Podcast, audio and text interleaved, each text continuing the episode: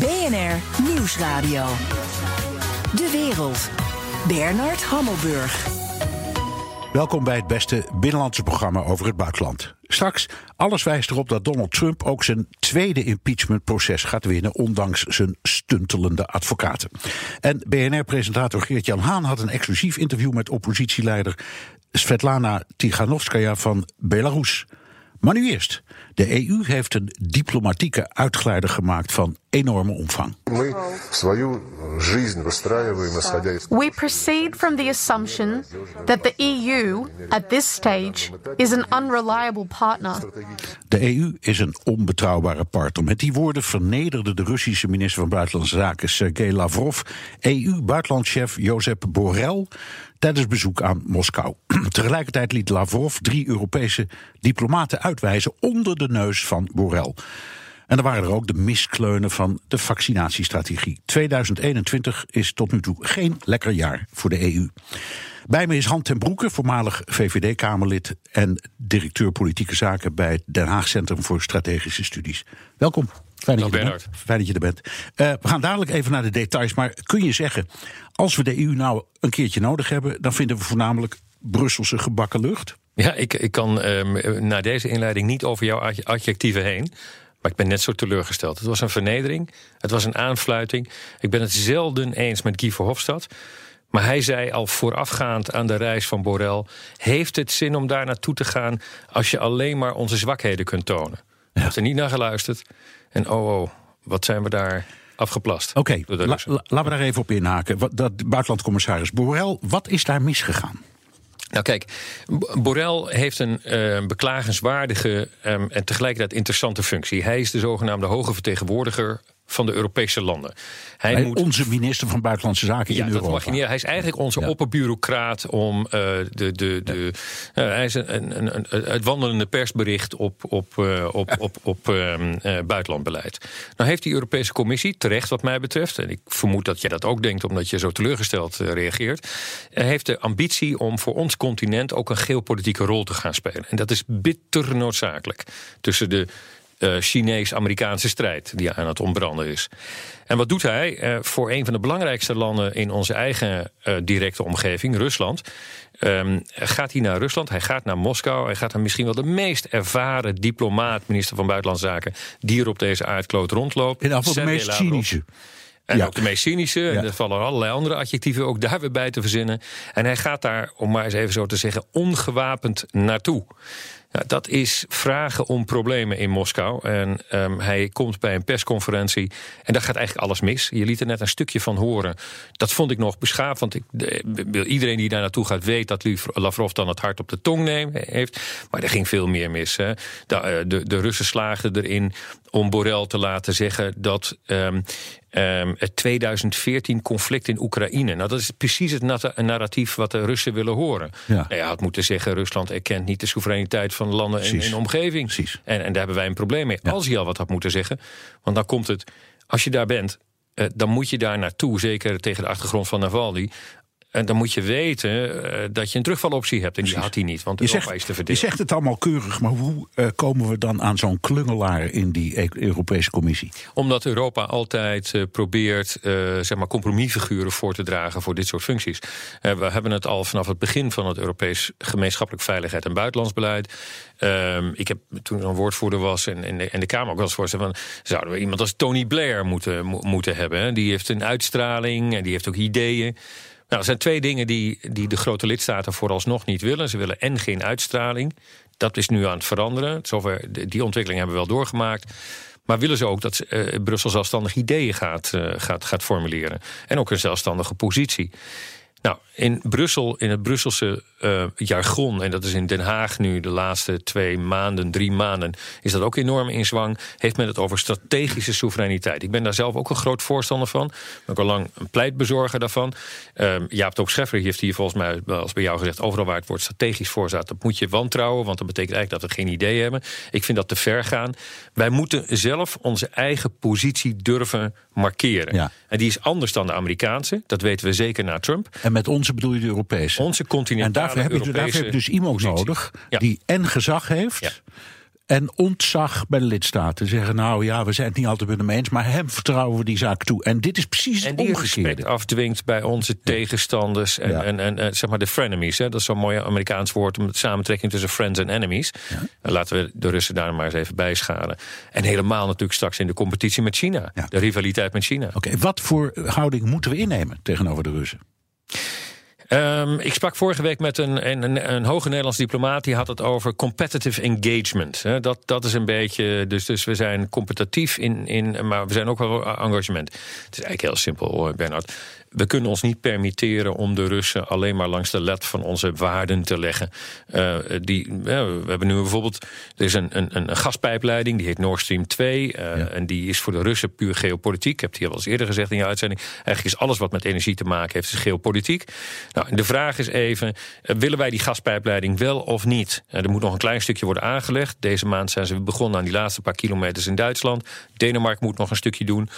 Eh, maar voor de Russen is dat een middel om gas niet alleen af te zetten in Europa, maar ook een aantal landen aan de eigen grenzen te kunnen omzeilen. Oekraïne bijvoorbeeld. Even, ben je het eens met Sigrid Kaag? Die, die, die zei, dat kwam gisteren uitvoerig in het nieuws, Nederland moet eindelijk ophouden met dat project commercieel te noemen.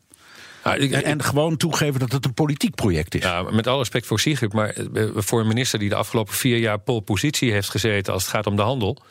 Um, is dat wel, Had ze wel even eerder mogen zeggen. Oh, goed, maar dit is, verkiezingstijd. Moet heel, heel dicht bij de verkiezingen. Oké, maar los van het feit dat dit nu plotseling de verkiezingen zijn, dat weet ik, is D66. Uh, uh, ja, ik heb naar die uitspraak gekeken. Maar, inhoudelijk. Ja, inhoudelijk. Uh, kijk, ik heb naar die uitspraak gekeken. Neemt ze dan ook daadwerkelijk positie in? Wat, wat, wat ze zegt is. En dus moeten we maar eens in gaan inventariseren wat er mogelijk is. Nou, daarmee bevindt ze zich zeg maar op de. Uh, ongeveer het gemiddelde van wat je ook in de Duitse politiek tegenkomt. En de hele Duitse politiek, van links tot rechts is nog steeds voor de aanleg van die uh, gaspijpleiding. Ja. Nou, het is eigenlijk vrij eenvoudig. Als wij willen dat we die gaspijpleiding als een politiek drukmiddel niet alleen ervaren, maar ook kunnen gebruiken, dan moet je daar een gezamenlijke positie op formuleren. Maar dat kan niet zonder de Duitsers. De Duitsers zullen daar voorlopig niet aan toe zijn. Die gaan daar niet mee akkoord. Um, en, de, dus maar, en Oost-Europa Oost is juist woest. Natuurlijk dus, dus hoe ga je dat? Dit is nu een prachtig voorbeeld van de EU in uh, optima forma, zal ik maar zeggen. Ja, het is, kijk, Nederland moet in ieder geval beginnen met accepteren dat het niet alleen maar een, een, een, een commercieel traject, een commercieel project is. Hè? Dat is de vaste lijn van de Nederlandse uh, regeringswoordvoering. Daar heb ik mezelf ook tegen verzet. Uh, het is wel degelijk ook een geopolitiek issue. Um, kun je er zomaar onderuit? Nou, gas is, zeker als we van olie af willen, en dat willen we, um, is, is een wederzijdse afhankelijkheid. Uh, die gaat dus twee kanten op. Het, uh, zeg maar de, de, het gas stroomt deze kant op. Um, uh, en, en, en de euro's stromen naar, Rusland, de andere naar kant op. Ja. Dus dat is van, van, van tweeën één. Rusland is een junior partner ten opzichte van China als het gaat om energiebelangen. Dus hier kunnen wij in ieder geval hebben we nog wat leverage op de uh, op de Russen. Wat, wat, wat invloed. En in buitenlands beleid komt het alleen maar op invloed aan. En als je ook waardenvolle, dus niet waardevrije, maar waardevolle buitenlandpolitiek wilt uitoefenen, en dat wil Nederland altijd, uh, daar zijn we heel sterk in, um, ja, dan zul je dat in gemeenschappelijk Europees verband moeten doen. En dan zul je ook moeten accepteren dat Duitsland en waarschijnlijk ook Frankrijk daar voorlopig niet aan, of in dit geval van af willen, van die pijpleiding af dus. Ja. Um, een andere kwestie die enorm speelt, uh, het vaccin. Eh, om te beginnen, we hebben het over Rusland. Moeten wij dat Sputnik-vaccin gewoon nemen, kopen? Waarom niet? Het is, het, eh, als, het, als het door de EMA wordt goedgekeurd, dan uh, is het goed genoeg. En dat is niet geopolitiek, dat is gewoon gezondheid. Uh, of allebei? bijna alles wordt geopolitiek, laten we daar maar van uitgaan. Dat geldt voor energie, dat geldt ook voor, voor vaccins, dat geldt voor mondkapjes. Voor de Russen is dat zeker het geval. Want hoewel hun eigen bevolking tekort komt, zijn ze nog steeds in staat en ook bereid om dat Sputnik-vaccin naar andere landen te exporteren als dat ook een geopolitiek doel dient. Dit is BNR De Wereld. Mijn gast is Han ten Broeke, oud-VVD-Kamerlid en directeur politieke zaken bij het Den Haag Centrum voor Strategische Studies. Han, als we het over vaccinaties hebben, dan komen we ja, kan niet anders. Bij Ursula von der Leyen. Die ja, het was wel een weekje, zeg. Die door het stof is gegaan voor de fouten in het vaccinatiebeleid van de EU. We waren spät dran bij de Zulassung. We waren zu optimistisch bij de Massenproduktion. Und vielleicht waren wir uns auch zu sicher, dass das Bestellte tatsächlich pünktlich geliefert wird. Wir müssen uns fragen, warum das so ist und welche Lehren wir daraus ziehen können. Ja, dat klinkt heel mooi. In Nederland gaan, vallen wij voortdurend over Hugo de Jonge. Dat is de kop van Jut. Ja. Zouden we niet moeten zeggen, ja, maar de echte kop Ja, van Jut is Ursula? Ja, het is echt, dit is, hier, hier zie ik hoe het debat in Nederland weer verengd wordt. Hè? Want je kunt Hugo de Jonge ongetwijfeld van alles verwijten. Maar in Duitsland verwijten ze ook Jens Spaan. Dat is dan de Hugo de Jonge daar. Die is overigens wel wat succesvoller. Maar eh, verwijten ze ook van alles. Maar daar wordt het Europese debat wel gevoerd. En hier heeft de Europese Commissie grotelijks geblunderd. Ursula von der Leyen heeft het er hier over wier. Ja. Het is ook eh zie, Ja. mevrouw von der Leyen, zou ik bijna willen zeggen. En met name die laatste vraag die zij stelt... eh, we zijn te optimistisch geweest over dat contract... dat valt haar zeer aan te rekenen. Moet je je voorstellen. En dan begin- heeft ze het ook nog afgewimpeld op de commissaris van Handel. Dat vond ik helemaal Breton, dat is een schandalig. Fransman. Dat is dan op zichzelf wel weer interessant. Maar dat, dat zijn de spelletjes. Maar even, ik, een punt wat ik hier wil maken... omdat het Nederlandse discours zo ontbreekt... het Nederlands debat zo ontbreekt.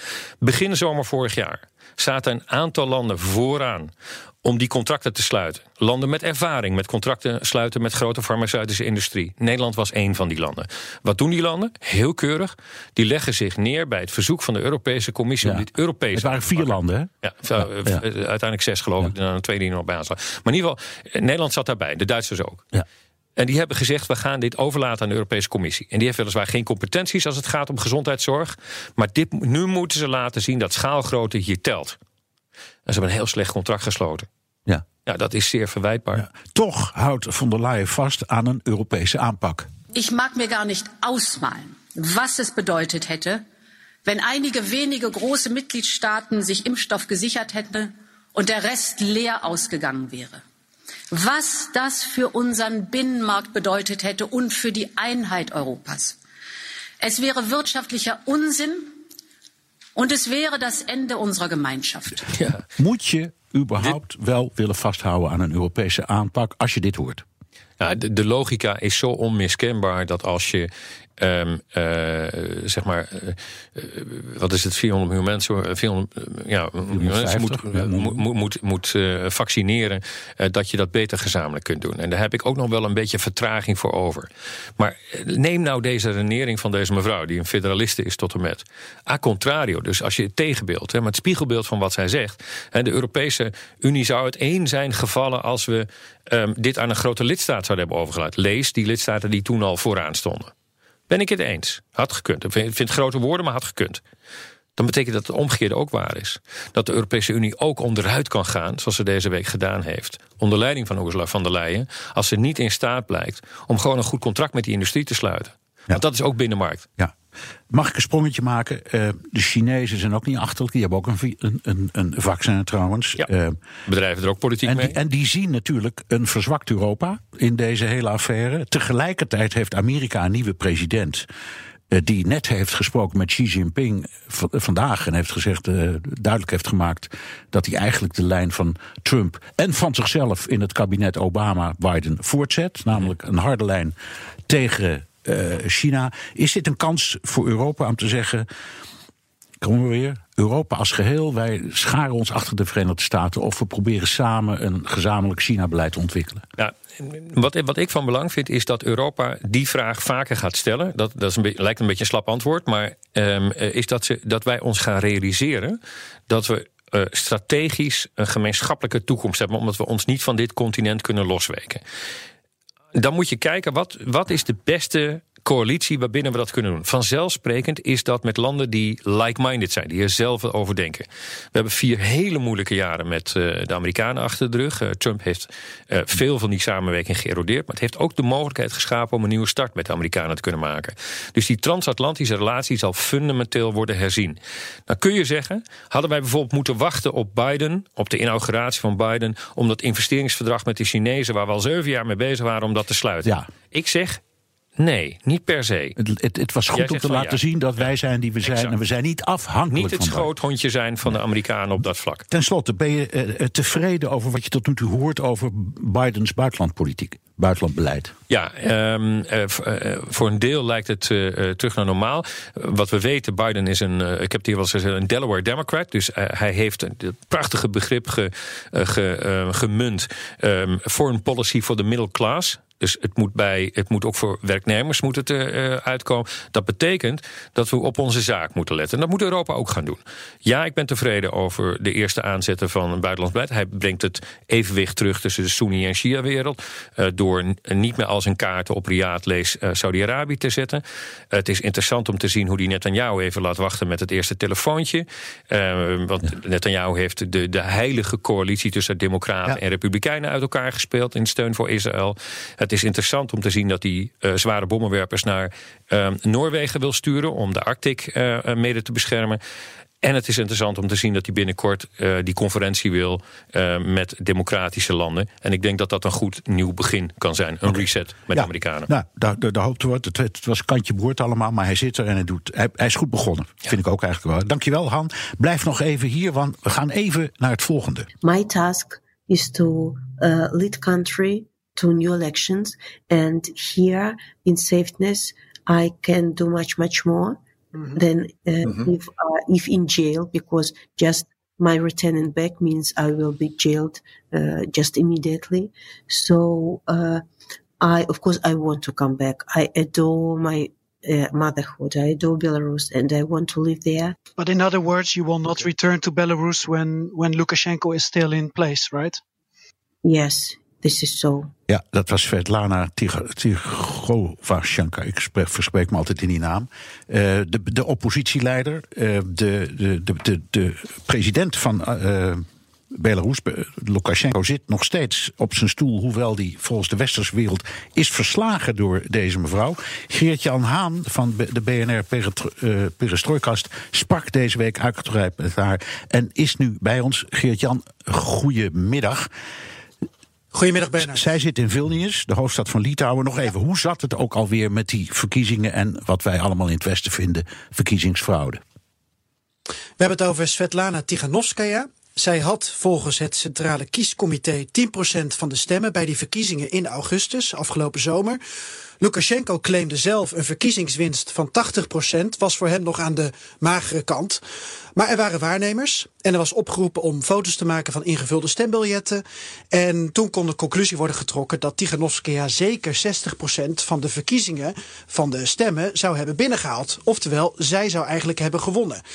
Twee dagen na die verkiezingen, vandaag precies een half jaar terug, vlucht ze naar Litouwen en daar strijdt ze nu voor nieuwe verkiezingen. En dat is haar eerste doel. Ja, je hebt er afgelopen maandag gesproken. Hoe is dat in zijn werk gegaan?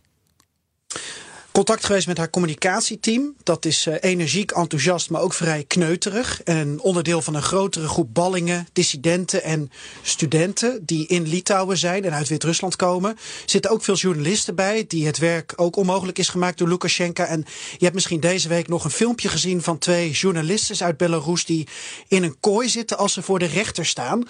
Omdat ze onafhankelijke journalistiek hebben bedreven. Dus voor zo'n gesprek als ik met Tiganovskaya had, zou ik in Belarus met gemak, denk ik, drie jaar voor in de cel kunnen belanden. Ja, maar je hebt het gelukkig ja, door, uh, je hebt het door de telefoon kunnen doen, gelukkig. Ja, dat was wat veiliger, vanuit mijn eigen berging. Um, afgelopen maandag hadden collega Floris Akkerman en ik voor de Perestrooikast uh, dus een, uh, ruim een half uur de tijd met haar. En ze zat op de praatstoel. je bespreekt in dat interview de martelingen in eigen land, de rol van de EU en de relatie met de Russen. Even een fragmentje. So, if uh, Mr. Sergei Lavrov uh, would come to Vilnius and ask you to go to a coffee bar, Would you accept that invitation? For sure, I will. Because we are we are not uh, close to anybody. We are not closed to anybody. We are open. It doesn't matter uh, Russia, Ukraine, Australia, or what else. Uh, to uh, Russia is our neighboring country, and of course we would like to, to start communicating with them. Geert-Jan, waarom haal je er dit fragmentje uit? Nou, één, dit fragment illustreert dat zij openstaat voor een relatie met Rusland. Uh, de Wit-Russische oppositie die zoekt die ook actief. Ze geeft in het interview aan dat er meerdere contacten al maanden worden gelegd of geprobeerd te leggen. Het Kremlin had nog niet officieel, maar dit geeft wel eens te meer aan dat de revolutie in Belarus geen anti-Russische is. Wat vaak wordt gezegd. Poetin is wel minder populair geworden door het optreden van Lukashenko, die natuurlijk met harde hand regeert daar. Um, en het feit dat hij zijn toevlucht tot Poetin nam. En maar ja, dat de Russian Playbook dus, dus werd gespeeld. Dat was voor veel Wit-Russen dan ja, eerder een, een, een probleempje. Maar niet echt een onderdeel van de anti-Russische retoriek. Die is er gewoon niet echt. En dit fragment is ook interessant, want je hoort dat ze even uh, allereerst heel resoluut antwoord geeft op mijn vraag. Tuurlijk, ik drink koffie met Lavrov, maar dan moet ze nadenken over de argumentatie. En stil te zeggen soms meer dan woorden, want dan realiseert ze zich dat haar argumentatie geen koren op de molen voor zowel Rusland als de EU moet zijn. Het Kremlin heeft ze misschien nodig om de druk op te voeren op Lukashenko. Als Poetin uiteindelijk toch van hem af wil. En ik vond het in, haar, in, in het hele gesprek op dat punt wel. Ja, vond ik haar wel als een diplomaat overkomen, maar wel een verfrissende. Haar man uh, zit ondertussen nog in de gevangenis in Belarus. Ook daar sprak je over. The only way to connect is through the lawyer. Uh, I write letters and she shows my letters to him and he can say something to me only like this. Ja, dit gaat over haar man uh, Sergei Tiganovsky. Zou eigenlijk presidentskandidaat zijn, maar zit net als vele anderen achter slot en grendel. Al vier maanden in een isolatiecel. Was laatste rapport van Amnesty. Dat geeft ook aan hoe nijpend die situatie is. Dat als gevangenen dagenlang geen water krijgen, dat het dan aan ze wordt gegeven uh, op een manier die heel schrijnend is. Dan wordt er een emmer water over de grond gegooid en mogen ze het daarvan af likken. Dat is wat er gebeurt in de gevangenis in Belarus. Ja, uh, politie treedt nog steeds met harde hand op. Protesten worden dus kleiner en uh, ook heel goed doordacht, want je kunt elk moment van de dag van de straat worden geplukt. Every morning you go to your work and you should be ready that somewhere in the middle of the day you can be arrested. So every morning you take warm clothes, toothpaste, soap, toilet paper with you, uh, just in case you, you, you are taken somewhere on the streets. Ja, de relatie Lukashenko en het Wit-Russische volk is gewoon uh, voor goed verpest. Banale vraag, Geert-Jan. Wat kan het ons eigenlijk schelen in Nederland of in de EU? Ik denk niet zoveel kan ons wel iets schelen, maar Europese politici die willen geen uh, Oekraïnse toestanden meer. Dus geen Verhofstadt en Van Balen die op een plein zeggen dat ze voor het volk zullen staan. Um, er wordt wel steun betuigd. Dat is heel veel gedaan door Macron, Merkel, Rutte. Iedereen heeft ook Tiganovskia ontmoet. Maar er zijn misschien wel eerder valse verwachtingen meegewerkt. Want Tiganovskia is teleurgesteld. Ze oppert voor nieuwe sancties. Want uh, er zijn nu drie tranches geweest. De sancties die lopen af eind deze maand. Er moet een nieuw pakket worden uh, komen. Ja, de EU heeft Lukashenko uh, besloten niet te erkennen als president. Dat was wel een daad. Maar dat is het dan ook eigenlijk. En nu is het de vraag: wat voor sancties zullen er nu komen? Misschien tegen Wit-Russische staatsbedrijven. Maar goed, als er dan een probleem in de kas komt, dan gaat Lukashenko wel weer bedelen bij Poetin. En alsnog haalt hij dan wel weer de financiën binnen. Dus ik denk omdat het momentum ook weg is, dat de EU niet zo heel veel meer kan doen dan enkel een pakket sancties opstellen. Ja, Hante Broeke zit hier nog in de studio. Die heeft uh, meegeluisterd. Dankjewel, Geert-Jan.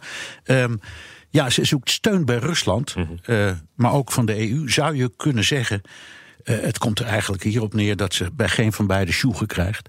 Nou, bij de Russen is logisch. Tegelijkertijd, hier moet je even goed onderscheiden dat uh, Tiganovskaya, ik hoop dat ik het wel goed uitspreek, um, zij is niet anti-Russisch. En nee. door haar, um, door, als we in Europa de fout zouden maken door haar helemaal dood te knuffelen ja, dan verliest ze ook die positie en die legitimiteit om in Wit-Rusland uiteindelijk een, uh, een legitieme oppositieleider te kunnen worden, mocht dat haar ambitie zijn. Ik denk wel dat we naar een sanctiepakket moeten, dus naar een verlenging. Um, uh, we hadden de afgelopen jaren een hele andere situatie met Wit-Rusland. Uh, dat, dat ging echt de goede kant op tussen aanhalingstekens. Nou, um, Europa heeft een lange traditie als het gaat om het omarmen van dissidenten in andere landen van Aung San Suu Kyi, uh, waar we nu ook anders tegen aankijken, to, tot Navalny en, en nu Tiganovskaya. Daar kan je niet één benadering op loslaten. ik denk dat het erg verstandig is dat we niet weer de fout maken dat we ze helemaal omarmen. Nee. Dat, is, dat, dat is ook niet in haar voordeel. Ik denk dat ze dat ook wel snapt. Oké, okay, maar in, in feite betekent dat dat er niks gebeurt, ja, er komen misschien sancties. Ja, maar wat kun je verwachten? We, gaan, we kunnen niet um, ons hele buitenland- en economisch beleid uh, voortdurend op dit, dit soort incidenten afstemmen. Dat, de, de, de, de lakmoesproef is nou juist om dat in evenwicht te brengen en daar enige consistentie in aan te brengen. En dat wij voor haar, haar zaak staan, dat laat je zien door uh, die foto-ops. Merkel heeft dat gedaan, Macron heeft dat gedaan.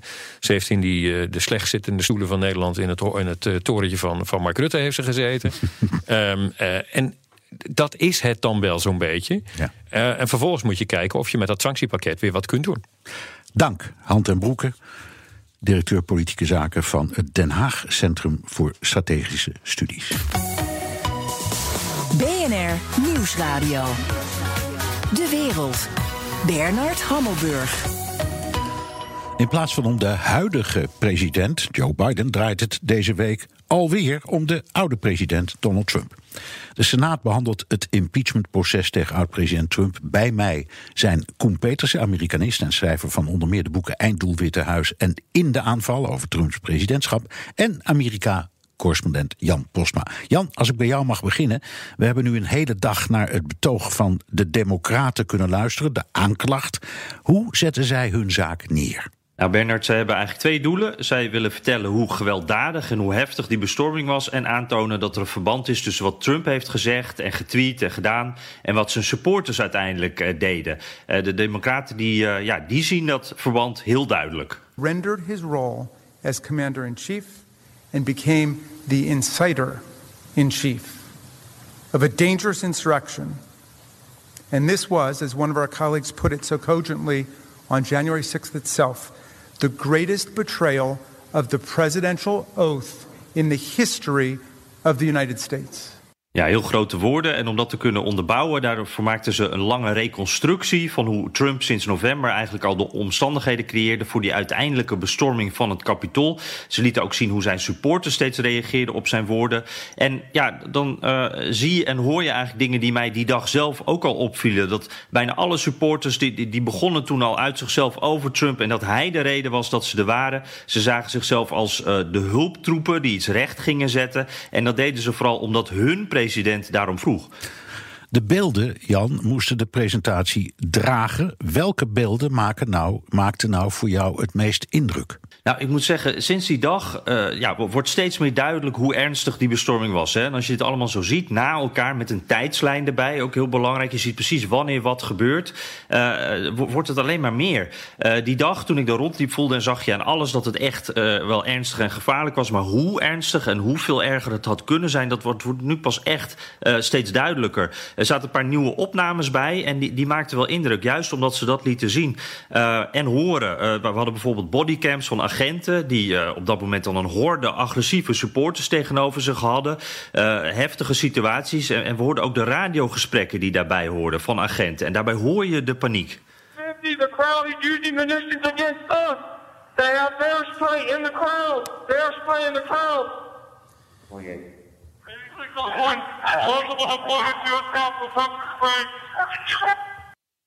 Ja, het is soms zo moeilijk te verstaan, maar je hoort die emotie. Hè? Hij heeft het over bear spray die wordt uh, gebruikt, over munitie die tegen hem wordt gebruikt. En je hoort vooral die angst. En uh, ja, ook veel beelden van die uh, beveiligingscamera's uit het kapitool. En daarbij werd nog eens duidelijk ook hoe, hoe, makkelijk het allemaal veel erger had kunnen zijn.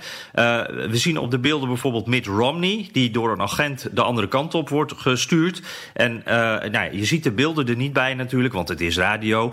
maar je, je, ziet, die, je ziet hoe, hoe Romney Romney gewaarschuwd wordt en dan hard wegrent. Um, die agent die gaat daar naar de trap af en ziet daar al die indringers. Officer Goodman passes Senator Mitt Romney and directs him to turn around in order to get to safety. On the first floor, just beneath them, the mob had already started to search for the Senate chamber.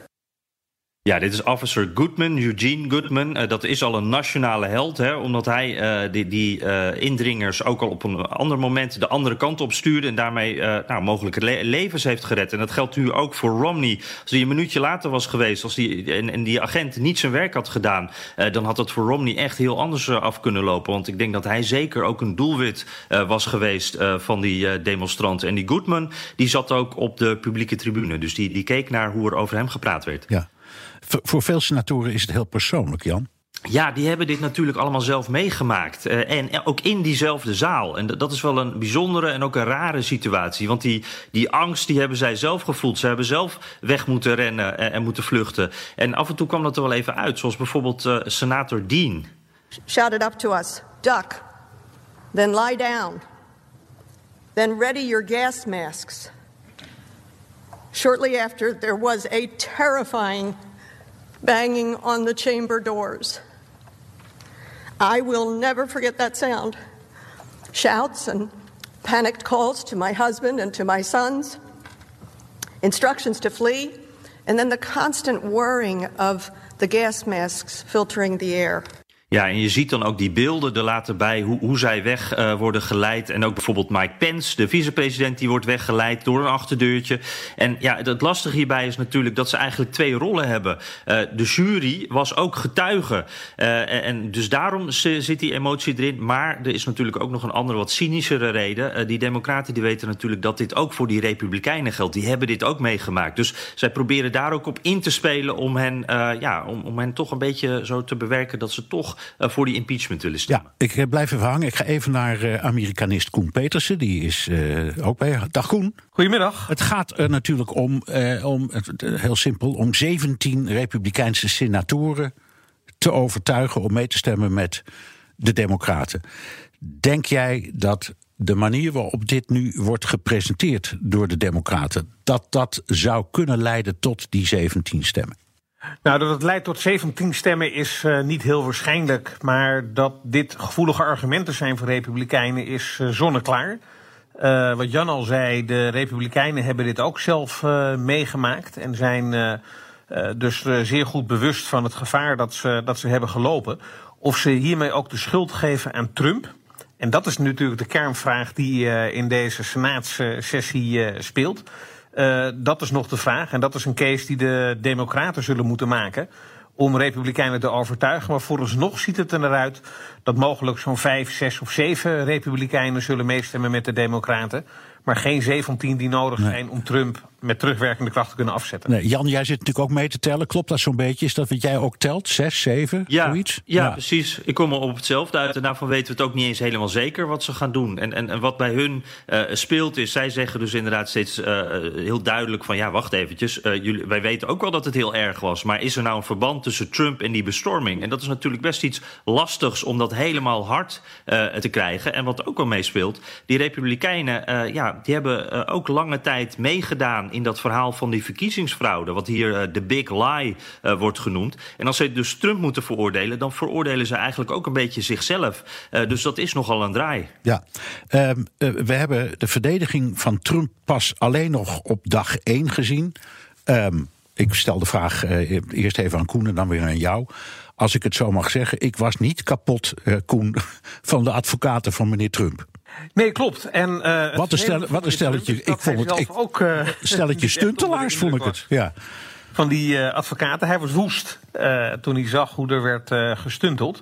Ja. Het probleem is dat Trump heel veel moeite heeft moeten doen om advocaten bereid te vinden die hem willen verdedigen in deze He, toch uh, rechtszitting, wat in feite de situatie is in de, in de Senaat. Uh, een week voordat uh, de sessie begon, trad het team dat hij eindelijk bij elkaar had geschraapt, trad terug. Toen moest hij nieuwe advocaten vinden. Die hadden dus weinig tijd om zich voor te bereiden. Ze kenden Trump niet goed. Ze zijn niet gespecialiseerd in uh, dit, soort, uh, dit soort vraagstukken en, uh, en sessies. En ze hadden zich ook verkeken op hoe de Democraten de case zouden maken in de Senaat. Waarop in plaats van een hele bescheiden inbreng ze toch besloten om iets meer te gaan doen. Maar dat hadden ze niet goed voorbereid. Dus je zag ook de lead-advocaat van Trump met een kladblok met wat losse aantekeningen. Uh, voor zich zijn verhaal houden. Nou, dat schoot echt uh, alle kanten op, all over the place. En dat ja. stond in extra schil contrast met het ongelooflijk goed voorbereide werk van de Democraten. Ja, ja, ja daarover heeft daar geen, uh, geen goede zaken gedaan op die openingsdag. Nee, daarover sprekend, Jan. Een van die argumenten van die lead-advocaat was: ja, zeg, die Democraten die hebben een soort Hollywood-productie gemaakt met al die filmpjes. Ja, Als, ja. Alsof dat een juridisch argument is. Ja, precies. En, en ook wel een beetje, ze, doen nu een beetje zielig, dat team van Trump. En, en alles wat Koen zegt, dat klopt inderdaad. Ze moesten, zij zijn aan het improviseren natuurlijk. Uh, maar we moeten ook niet doen alsof dat team van Trump niet de middelen uh, beschikbaar heeft. Want Trump die heeft na de verkiezingen voor honderden miljoenen dollars aan geld binnengehaald. Uh, voor die juridische strijd na de verkiezingen. Dus dat geld, dat is er echt wel. Maar ja, ze hebben gewoon heel weinig tijd. En ja, moeten het in heel korte tijd dus allemaal regelen. En ja, dan, dan krijg je dit. Jan, ik neem afscheid van jou. Bedankt. Wij spreken elkaar gauw weer. En uh, ook al in onze podcast. Hè? Dankjewel. Uh, Koen, uh, we weten hoe dat impeachmentproces gaat aflopen. Jan en jij zijn het er wel over eens. Die 17 senatoren, die, dat gaan ze niet redden. Waarom doen de Democraten dit volgens jou? Nou, ik denk dat er drie redenen zijn. Eén is dat het een enorme behoefte was aan ontluchting na die benauwende gebeurtenissen begin januari. Dus dat heeft het proces in gang gezet. En dan kan het lastig meer terug in de, in de fles. Maar ik denk dat er twee politieke berekeningen achter zitten. Eentje is dat Trump de factor is die de Democraten verenigt. Dat was al in de campagne zo, maar eigenlijk hebben de Democraten dat nog nodig. Want de interne strijd tussen de hele progressieve Democraten en de gematigde Democraten is nog niet voorbij.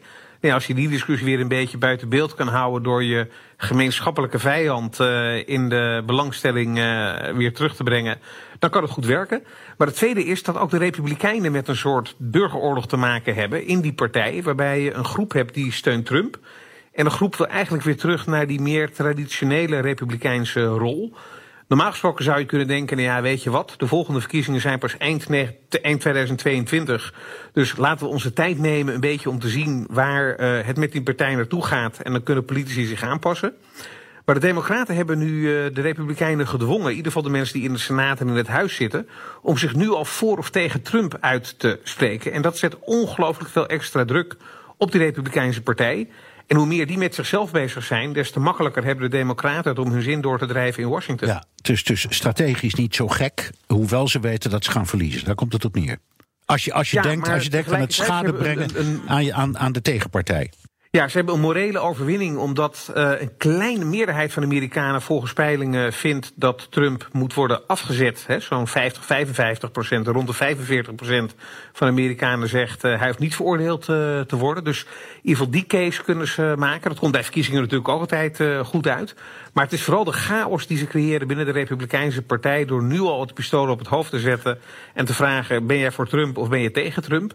Ja, en dat kunnen die Republikeinen ongelooflijk slecht gebruiken. En op die manier kunnen ze Biden niet dwars zitten en oppositie voeren. Ja, dat kwam heel duidelijk aan het licht uh, bij twee vrouwen in die Republikeinse uh, fractie: de traditioneel conservatieve Liz Cheney en de QN-aanhanger Marjorie Taylor Greene. het is Cheney die eigenlijk de zijde van de Democraten kiest en die Green die Trumpistischer is dan Trump. Hoe kijk jij naar die strijd? Ja, de, uh, het is natuurlijk een hele gekke situatie geweest. Waarbij nu ook alweer de, hè, de chaos. Nog voordat de Senaat begon. in het Huis van Afgevaardigden al bij de Republikeinen losbarsten. Door te kiezen voor Liz Cheney. Zij is de dochter van de oud-vicepresident. Een wat traditionelere republikein. En sprak zich toch uit voor de impeachment van, van Trump. Maar ze is ook een van de top drie leiders van de Republikeinen in het Huis van Afgevaardigden. Die kreeg heel veel verzet, maar uiteindelijk heeft een hele grote meerderheid zich toch uiteindelijk achter haar leiderschapspositie uh, geschaard. Dat is een overwinning voor de meer traditionele Republikeinen.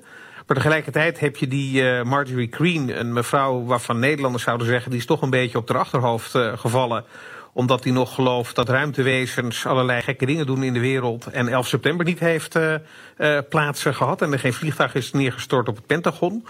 Uh, die is ook in de, in de fractie gebleven. En heeft ook de steun van die partij gekregen. Dus je ziet dat ook daar eigenlijk geen keuzes gemaakt onder het mom van we zijn een big tent party. Hè, dus voor veel kleuren en smaken is er, is er plaats. Maar de vraag is of de kiezer zo geduldig zal zijn. En dat zal moeten blijken bij de verkiezingen eind volgend jaar. Ja. Um, zullen we even kijken naar hoe Biden het doet tot nu toe? Want hij is nou begonnen met een soort vliegende start. Um, alle, allerlei uh, maatregelen. Hij, heeft, hij is zo langzamerhand wereldkampioen uh, de, decreten.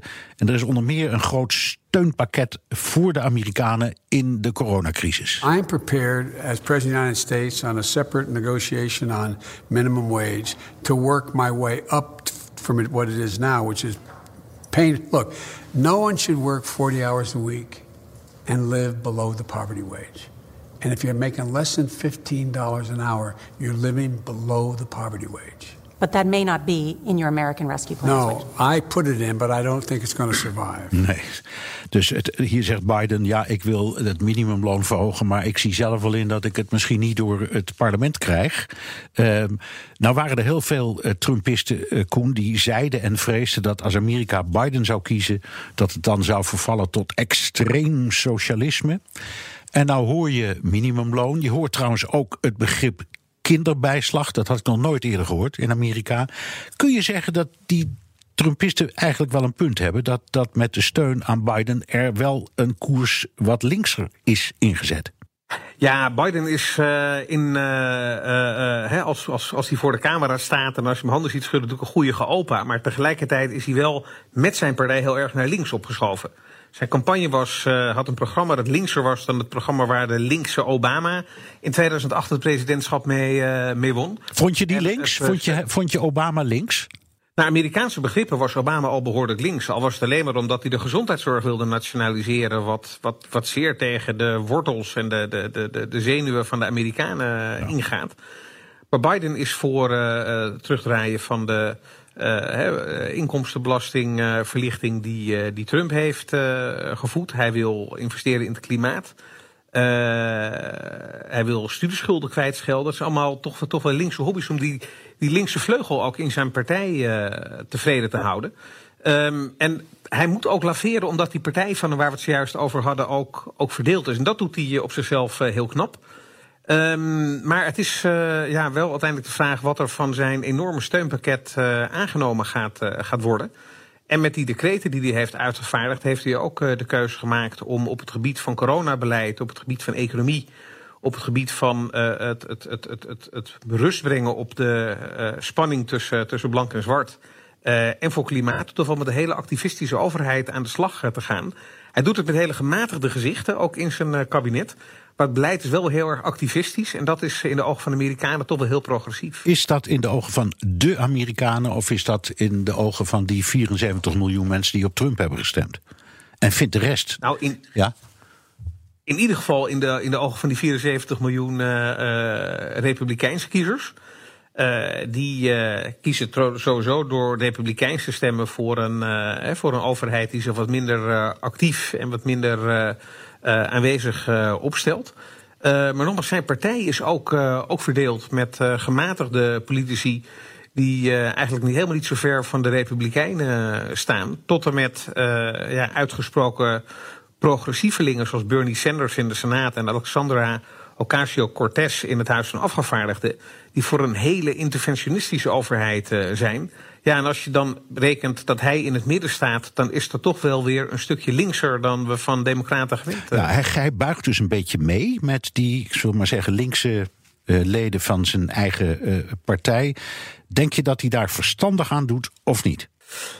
Ja, hij kan geval wel daarmee uh, de rust in zijn partij uh, behouden. En uh, althans dat proberen. En een verbindende factor zijn. En dat heeft hem 50 jaar lang succes gebracht. Want van Biden wordt gezegd: het is een middenfiguur, maar hij is altijd wel waar het midden is.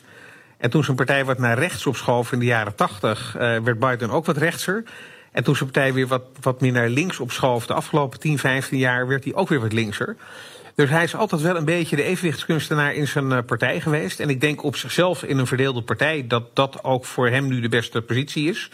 Daarmee houdt hij in ieder geval uh, zijn partij rustig. En dat gaat hem in staat stellen om ook wetgeving aangenomen te krijgen, begrotingen aangenomen te krijgen. In ieder geval bestuurlijk wat te doen. En los van de vraag of je het nou inhoudelijk met al die keuzes eens bent of niet, dat er in het land weer wat gebeurt, dat een overheid iets wil en het ook gaat doen. Dat is op zichzelf wel, uh, denk ik, winst. Want het uh, politieke proces in Amerika staat wel heel erg lang stil. Ja. De ogen, in elk geval in Washington, zijn natuurlijk gericht, jij noemde het al, op die verkiezingen van 2022. Want dan, dan wordt het hele Huis van Afgevaardigden gekozen en een derde van de Senaat. In hoeverre speelt Biden het slim? Want hij heeft in allebei die huizen een minimale minder, uh, meerderheid. Is dit een goede nou, ik zal maar zeggen, strategie om die te behouden? Of denk je, ik zie een ramp, net zoals met Clinton en met Obama is gebeurd? Nee, ik denk dat hij op zichzelf het uh, in dat opzicht heel uh, verstandig speelt. Hij heeft ongelooflijk veel uh, decreten uitgevaardigd, hè, tientallen.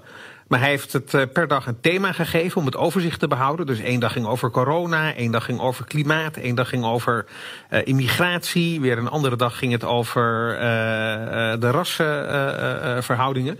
dus in dat opzicht heeft hij rust op de lijn gehouden. Hij heeft hele gematigde bewindslieden aangesteld, die wel met een links programma op pad moeten. En wat voor hem vooral heel erg belangrijk is, is dat de democraten die in districten zitten waar zo nu en dan een democraat, dus nu en dan een, een, een republikein wint, een beetje van die swing districten, dat hij daarvoor komt dat democraten hun zetel kwijtraken en het weer naar republikeinen gaat. Uh, ja, die kan hij niet met hele uitgesproken linkse uh, activistische uitspraken behagen. Nee. Dus door heel gematigd te zijn in de optics en tegelijkertijd die linkergroep ook uh, te bedienen, uh, probeert hij een beetje van twee walletjes te eten. En ik denk wel dat als je naar de opiniepeilingen kijkt, hij wordt toch redelijk goed gewaardeerd in zijn eerste weken dat hij dat uh, met behoorlijk succes uh, weet te doen. Maar de weg is nog lang, dus ja. we moeten kijken of hij het gaat volhouden. Is het ook jouw indruk dat Biden helemaal niet zat te wachten op die impeachment-affaire? Dat dat als het ware het ontwikkelen van het beleid in het, ja, doorkruist? Dat hij zelf denkt, jongens, laten we lekker doorgaan. Hou op over die, uh, ja, kijk, die Trump. Het, het, Biden zit net in het Witte Huis. Hij heeft uh, 30 jaar geprobeerd daar te komen. Dus dan wil je ook uh, in het centrum van de belangstelling staan. Politici zijn een beetje ijdel. Dat is Biden ook. Dus dat dat de glans weghaalt van zijn start. En ook het momentum hem in de eerste honderd dagen, hè, altijd, die altijd als witte broodsweken worden aanvaard, ook door de oppositie. Uh, dat je dan het maximale eruit haalt. Ja, dat is nu wel uh, wat, uh, wat gehinderd. aan de andere kant is de afleiding publicitair ook wel makkelijk voor hem, omdat hij misschien weer wat linksere initiatieven, zoals dat enorme pakket van 1900 miljard dollar, door het parlement kan, uh, kan loodsen. zonder dat daar alle aandacht naar uitgaat. En dat kan dus ook wel weer helpen om politiek gevoelige zaken een beetje aan het daglicht te onttrekken. Dus ik denk dat het voor- en nadelen heeft. Maar met 50 jaar ervaring in de politiek zal hij toch wel proberen in de omstandigheden zoveel mogelijk uh, garen erbij ja. te spinnen. Ten slotte, wanneer denk je dat de Senaat met de uitspraak komt? Ik hoor van alles. Sommigen zeggen ja, het is een kwestie van twee of drie dagen. Anderen zeggen nou waarschijnlijk zaterdag of in het weekend. Wat denk jij?